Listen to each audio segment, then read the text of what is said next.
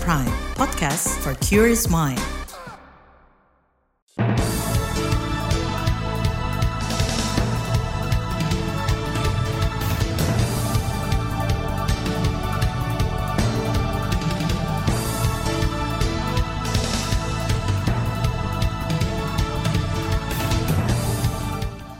Selamat pagi saudara, senang sekali kami bisa menjumpai Anda melalui program Buletin Pagi edisi Jumat 13 Januari 2023. Bersama saya Naomi Liandra, sejumlah informasi pilihan telah kami siapkan, di antaranya korban pelanggaran HAM berat desak penyelesaian jalur yudisial. KPK menahan Gubernur Nonaktif Papua Lukas NMB. Pengadilan Negeri Surabaya gelar sidang tragedi Kanjuruhan. Inilah Buletin Pagi selengkapnya. Terbaru di Buletin Pagi. Pemerintah mengambil dua sikap dalam menyelesaikan kasus pelanggaran hak asasi manusia HAM berat masa lalu, yakni jalur yudisial dan non-yudisial. Hal itu disampaikan Menteri Koordinator Bidang Politik, Hukum, dan Keamanan Mahfud MD kemarin. Kata dia, penyelesaian jalur non-yudisial dilakukan sesuai laporan Tim Penyelesaian Non-Yudisial Pelanggaran HAM Berat Masa Lalu atau Tim PPHAM. Nah, yang yudisial itu akan terus jalan, gitu, e, sesuai dengan hukum yang berlaku. Karena yang masalah yudisial pelanggaran HAM berat masa lalu itu menurut pasal 46 Undang-Undang nomor 26 tahun 2000 tidak bisa dihapus, tidak ada daluarsanya kecuali nanti ada undang-undang baru yang membatalkan pasal itu. Mahfud menyebut Presiden Jokowi dalam waktu dekat akan mengumpulkan sejumlah menteri untuk memastikan penanganan jalur non-yudisial berjalan. Presiden akan membentuk satgas untuk mengawal penanganan tersebut. Sebelumnya Presiden Jokowi mengakui ada 12 pelanggaran HAM berat masa lalu. 12 kasus itu di antaranya peristiwa 1965-1966, penembakan misterius 1982-1985, Talang Sari, Rumah Gedong, Semanggi 1 dan 2, hingga kasus Wasior dan Wamena di Papua. Paguyuban Keluarga dan Korban Talang Sari Lampung PK2TL menolak penyelesaian kasus HAM berat lewat jalur yudisial, sebagaimana permintaan keluarga korban. Menurut Ketua Paguyuban Keluarga dan Korban Talang Sari Lampung, Edi Arsadat, penyelesaian yudisial berbeda dengan upaya pemulihan hak korban. Pemulihan hak korban merupakan kewajiban pemerintah. Terkait dengan adanya uh, pemerintah ingin mem memulihkan atau memberikan bantuan dan lain-lain, silahkan saja kami akan terima. Tapi jangan di uh, legitimasi untuk penyelesaian gitu. Itu kita tidak mau. Berapapun angkanya tidak akan kita terima.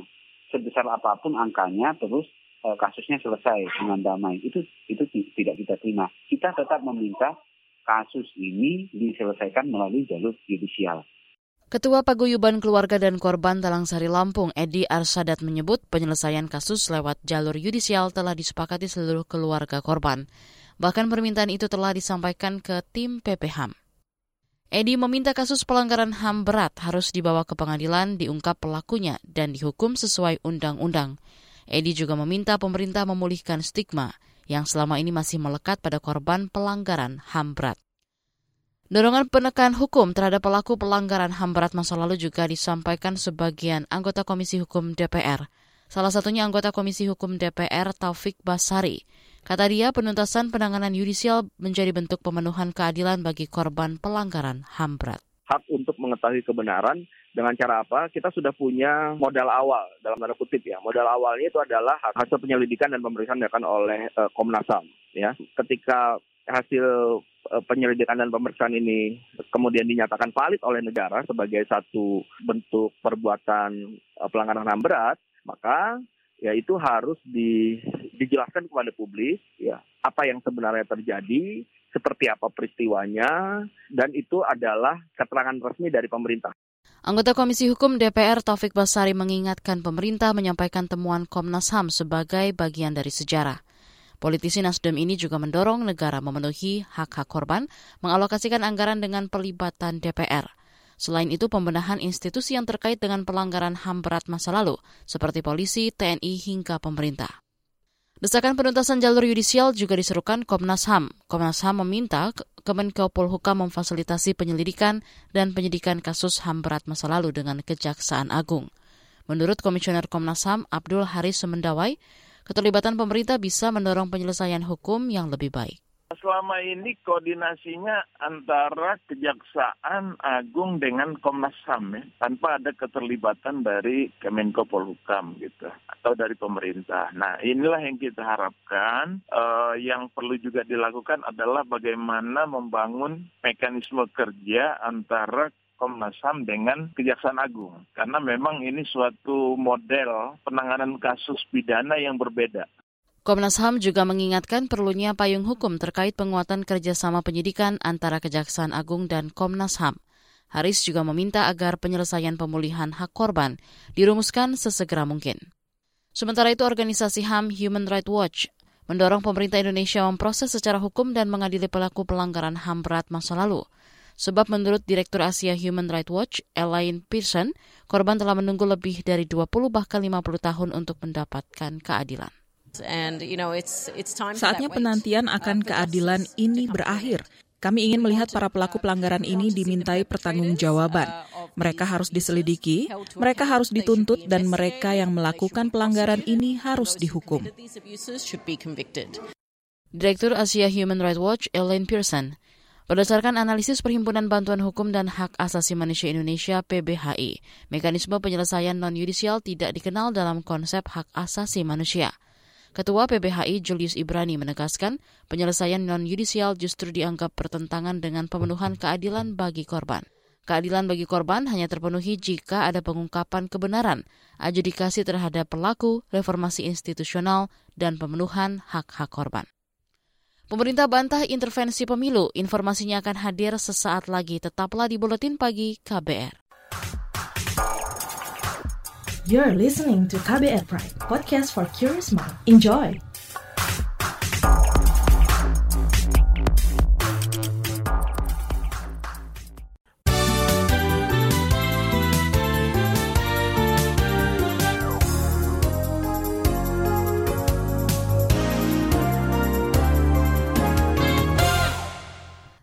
Komisi Pemberantasan Korupsi KPK menahan Gubernur Papua Lukas NMB di rumah tahanan negara rutan KPK Pomdam Jaya Guntur kemarin malam.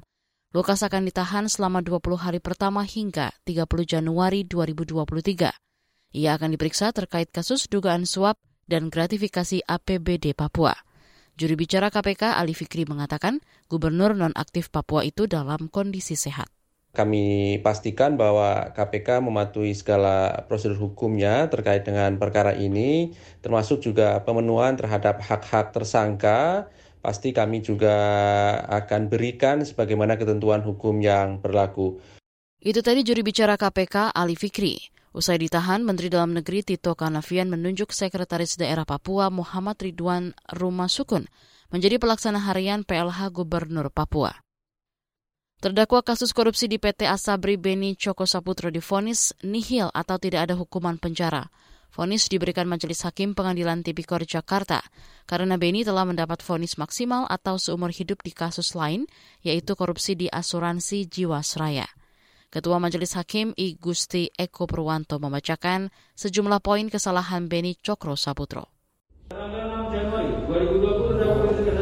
Menandatangani surat pernyataan membantu Beda Sabri yang berisi bahwa dirinya berkomitmen untuk meningkatkan diri dengan Kedasabri guna memulihkan investasi Kedasabri sebesar 5 triliun 633 miliar 745 juta 767 ribu 445 rupiah.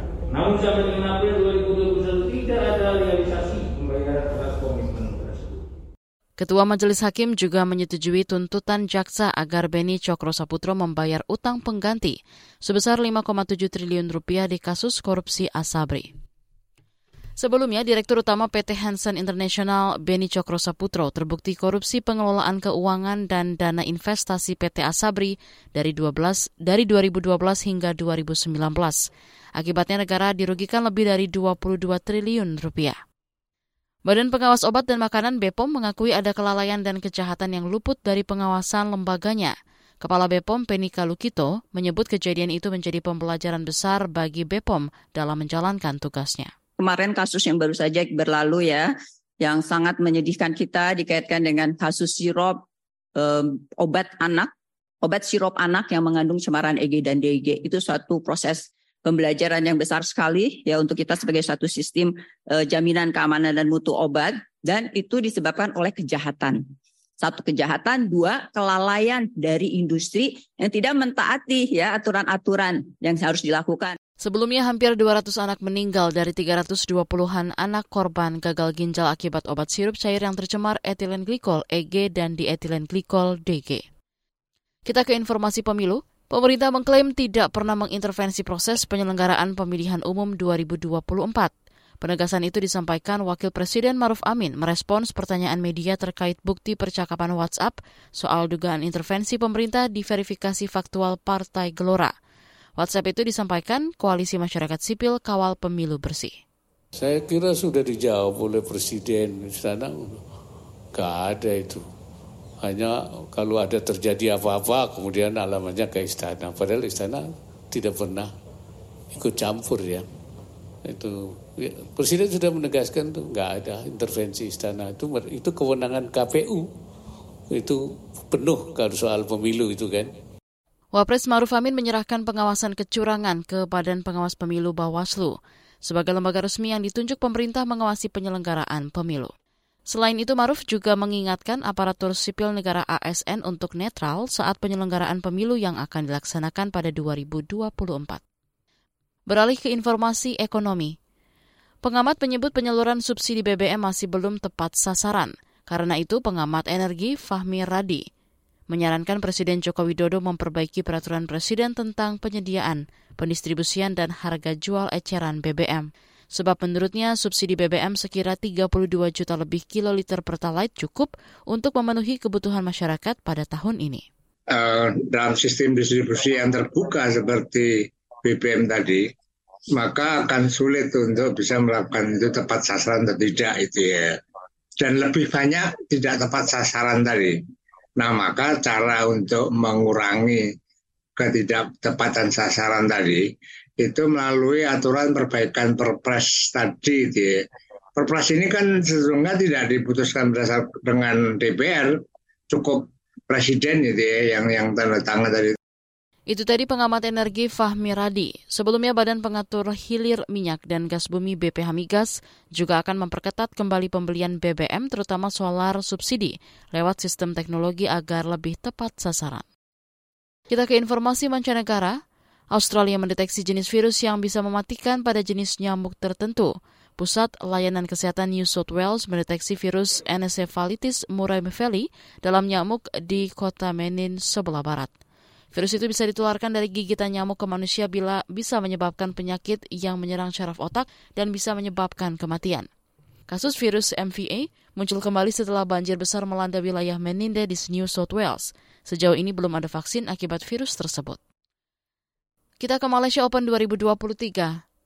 Ganda putri Indonesia Apriani Fadia lolos ke babak perempat final Malaysia Terbuka 2023. Apri Fadia sukses menaklukkan pasangan Korea Selatan Jong Na-eun Kim Hyo Jong 21-16, 13-21, 21-15. Di sektor tunggal putra, Anthony Ginting juga melaju ke perempat final usai mengalahkan Anders Antonsen. Kemenangan serupa juga diraih ganda putra andalan Indonesia Hendra Ahsan yang mengalahkan rekan senegaranya Pramudia Jeremia dua set. Sementara tunggal putra lain, Chico harus mengakui keunggulan pebulu tangkis India. Pun demikian dengan tunggal putri Gregoria Mariska yang kalah dari wakil Taiwan Wen Chisu. Kekalahan juga ditelan ganda putra Kevin Marcus yang harus mengakui kemenangan ganda Cina. Di bagian berikutnya kami hadirkan laporan khas KBR tentang menanti aturan turunan Undang-Undang TPKS. Tetap di Buletin Pagi KBR.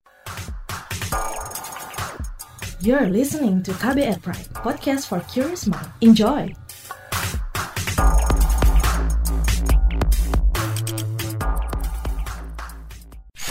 Commercial break. Commercial break. Transfer ke sini udah, bayar ini juga udah. Ke gue udah. Heh, Allah, pertumbuhan ekonomi tuh lagi melambat, persis kayak tabungan gue. Betul banget harus matang ngelola keuangan. Pengennya tuh investasi sesuatu gitu ya. Apa gitu yang cocok dan menguntungkan? Hmm, coba dengerin uang bicara deh. Gue belakangan lagi dengerin podcast itu di KBR Prime. reksadana yang tadinya 500 juta udah turun dari 250 juta sekarang 10 ribu sama kita ngopi mahalan mana ketika itu ada keputusan yang kayak begitu investor harus tahu gitu oh ada keputusan ini berarti implikasinya apa orang mungkin perluas literasi kamu lewat podcast Uang Bicara Uang Bicara menavigasi kamu dengan menghadirkan bahasan-bahasan seru dan populer mulai dari investasi sampai kebijakan. Dipersembahkan oleh KBR Prime dan bisa didengarkan di KBR Prime, Spotify, dan platform mendengarkan podcast lainnya. KBR Prime, podcast for curious mind.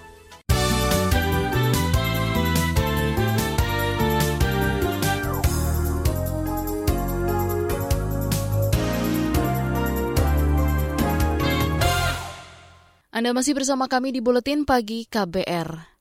Undang-Undang tentang Tindak Pidana Kekerasan Seksual Undang-Undang TPKS telah disahkan DPR pada Mei tahun lalu. Namun sampai saat ini aturan turunannya belum dibuat oleh pemerintah. Padahal tren kasus kekerasan seksual semakin meningkat. Pemerintah didorong segera melahirkan aturan turunan agar Undang-Undang TPKS segera bisa diimplementasikan. Selengkapnya berikutnya laporan khas KBR disusun jurnalis Heru Haitami. Kementerian Pemberdayaan Perempuan dan Perlindungan Anak menargetkan aturan turunan dari Undang-Undang Tindak Pidana Kekerasan Seksual bisa rampung di tahun ini. Asisten Deputi Pelayanan Perempuan Korban Kekerasan di Kementerian PPPA, Margaret Robin Korwa mengatakan, aturan turunan itu masih dibahas lintas kementerian lembaga. Kami berharap bahwa tahun ini tiga PP itu bisa selesai, termasuk dengan empat perpres dengan pemerakarsa masing-masing yang memang juga sudah ditandatangani oleh Presiden pada tanggal 23 Desember 2022 tentang program penyusunan peraturan Presiden tahun 2023. Untuk itu, pembahasan yang sudah dilakukan tahun lalu secara maraton mulai dari Juni sampai dengan Desember dengan adanya dasar hukum ini melalui peraturan keputusan Presiden nomor 25 dan 26 maka akan lebih menggampangkan proses pembahasannya karena sudah masuk di dalam prolegnas dan proksun. Margaret mengatakan aturan turunan yang semula dimandatkan Undang-Undang TPKS sebanyak 10 aturan nantinya akan dipadatkan menjadi tujuh aturan terdiri dari empat peraturan presiden dan tiga peraturan pemerintah. Aturan turunan itu diharapkan bisa mempertajam implementasi dari Undang-Undang TPKS. Namun Komnas Perempuan berharap aturan turunan bisa keluar lebih cepat. Ketua Komnas Perempuan, Andi Yentriani, mengatakan penerapan Undang-Undang TPKS akan sedikit terhambat karena lambannya pembentukan aturan turunan. Kami berharap dia bisa dilakukan di kuartal pertama dari 2023 karena sejumlah peraturan pelaksana ini akan menguatkan sistem untuk memastikan pelayanan yang terpadu maupun proses hukum yang berkeadilan bagi korban kekerasan seksual. Rasanya kalau tengah tahun 2023 sih harusnya realistis ya, tapi tampaknya juga bisa dipercepat menjadi kuartal pertama 2023. Selama kurun Januari hingga November tahun lalu, Setidaknya ada tiga ribuan kasus kekerasan berbasis gender terhadap perempuan. Ketua Komnas Perempuan Andi Yentriani mengatakan angka itu kemungkinan masih akan bertambah. Kami saat ini masih menganalisis datanya. Kita akan mengkompilasi baik itu pengaduan langsung ke Komnas Perempuan maupun lembaga-lembaga layanan lainnya. Dan kalau kita lihat dari kecenderungan ya, ini pola pelaporan selama dua tahun terakhir, mayoritas masih kekerasan yang terjadi tampak dalam rumah tangga. Tetapi kalau dilihat dari bentuk kekerasannya, kita perlu mencermati bahwa kekerasan seksual ini terus meningkat baik secara offline maupun online. Dan kalau kita mengacu pada dua tahun yang terakhir, sering kali kekerasan secara offline maupun online ini dilakukan justru oleh orang yang terdekat dari korban ataupun mantan pasangan baik itu mantan suami atau mantan pacar misalnya. Andi Yentriani mengatakan hadirnya Undang-Undang TPKS memperkenalkan dan meneguhkan sistem peradilan terpadu untuk perempuan dan anak maupun laki-laki. Sistem ini mensyaratkan sinergi proses hukum dan pemulihan korban kekerasan seksual semenjak proses pelaporan hingga pasca persidangan. Komnas Perempuan mencatat ada beberapa elemen kunci dalam Undang-Undang TPKS, mulai dari sanksi dan tindakan, hukum acara, hak atas korban hingga pencegahan. Dorongan agar pemerintah segera mengeluarkan aturan turunan Undang-Undang TPKS juga diteriakan kelompok masyarakat sipil. Koordinator Pelaksana Harian dari LBH Apik Indonesia, Khotimun Sutanti mendorong agar aturan turunan Undang-Undang TPKS dirancang dengan melibatkan masyarakat sipil. Selain itu, aturan turunan bisa memperhatikan perspektif keberpihakan kepada korban dan memuat sistem pelayanan terpadu. Yang paling utama adalah perspektif keberpihakan kepada korban, kemudian perspektif gender dan lain sebagainya itu harus ini menjadi roh roh roh utama gitu di dalam UTPKS ini di, di peraturan turunannya itu semuanya harus punya perspektif itu. Hotimun Susanti menilai saat ini belum ada program yang secara spesifik dirancang oleh kepolisian untuk memperkuat implementasi Undang-Undang TPKS. Sebetulnya dari kepolisian RI itu sempat bikin surat arahan untuk menggunakan UU TPKS, namun sebetulnya itu perlu upaya yang lebih banyak dengan membangun sistemnya di internal kepolisian itu sendiri, kemudian perspektif aparat penegak hukum, kemudian juga ketersediaan polisi yang memang punya perspektif dan juga polisi perempuan di Indonesia itu kan kita belum melihat memang program yang secara spesifik sudah direncanakan oleh kepolisian untuk memperkuat perspektif APH dan lain sebagainya itu sampai ke bawah. Itu menurut kami jadi PR ya. Selain percepatan pembentukan aturan turunan, LBH Apik juga mendorong pemerintah agar sosialisasi Undang-Undang TPKS hingga ke daerah bisa terus dilakukan. Demikian laporan khas KBR, saya Heru Haitami. Informasi dari berbagai daerah akan hadir usai jeda. Tetaplah bersama Buletin Pagi KBR.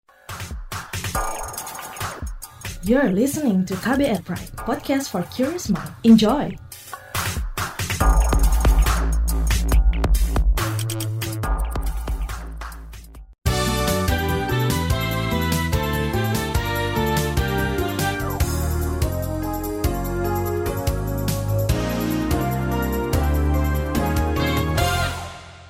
Inilah bagian akhir buletin KBR. Pengadilan Negeri Surabaya, Jawa Timur menggelar sidang terhadap lima tersangka di kasus tragedi Kanjuruhan Senin pekan depan. Juri bicara Pengadilan Negeri Surabaya, anak Agung Gede Agung Pranata, melarang wartawan meliput langsung di dalam ruang sidang. Pengadilan juga akan membatasi pengunjung sidang tragedi Kanjuruhan. Jadi pada prinsipnya untuk sidang Kanjuruhan dimulai hari Senin 16 Januari 2023 jam 10 pagi di gedung Cakra secara video call online online online online itu tadi juri bicara Pengadilan Negeri Surabaya, anak Agung Gede Agung Pranata. Sebelumnya, kepolisian menetapkan enam tersangka di kasus tragedi Kanjuruhan. Peristiwa tersebut menewaskan 135 orang. Insiden terjadi usai laga Arema melawan Persebaya awal Oktober lalu. Tersangka antara lain tiga anggota Polres Malang dan Brimopolda Jatim. Sementara tersangka bekas Direktur PT Liga Indonesia Baru Ahmad Hadian Lukit dilepaskan karena berkas perkara belum lengkap dan masa penahanannya sudah habis. Saudara, harga beras menjadi pemicu inflasi terbesar di antara seluruh komoditas pangan sepanjang tahun lalu di Jawa Tengah. Kepala Kantor Perwakilan Bank Indonesia Jateng, Rahmat Dwi Saputra, mengingatkan pemerintah agar memperhatikan harga beras, sebab sumber pertumbuhan ekonomi Jawa Tengah bersumber dari hasil pertanian. Bulan Desember inflasi beras itu 3,67 persen, tertinggi selama lima tahun terakhir. Lagi-lagi ini harus menjadi uh, early warning kita ya. Kenapa kok beras bobotnya pertama adalah terbesar 4,02 persen di antara seluruh komoditas pangan dan kita bisa mengalami inflasi tertinggi pada bulan kemarin inflasi beras 3,67 persen selama dalam lima tahun terakhir. Rahmat Dwi Saputra menambahkan tim inflasi daerah akan telah melakukan berbagai upaya menekan angka inflasi di provinsi tersebut, mulai dari penguatan peran BUMD pangan hingga operasi pasar. Dua gunung api di Pulau Sumatera, Gunung Merapi dan Kerinci kembali mengalami erupsi kemarin. Tinggi erupsi Gunung Merapi di Sumatera Barat menjadi mencapai satu kilometer dari puncak. Kolom agu Merapi teramati berwarna kelabu dengan intensitas tebal dan condong ke arah timur laut dan tenggara. Saat ini status Gunung Marapi masih di level 2 atau waspada, sama dengan status Gunung Kerinci yang juga mengalami erupsi kemarin. Erupsi Gunung Kerinci yang terletak di perbatasan Jambi dan Sumatera Barat itu terjadi kemarin pagi dengan durasi 13 menit 20 detik. Kolom abu teramati lebih kurang 600 meter dari atas puncak.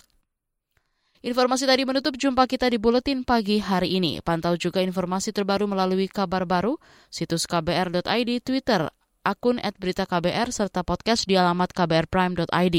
Akhirnya saya Naomi Liandra bersama tim yang bertugas undur diri. Salam.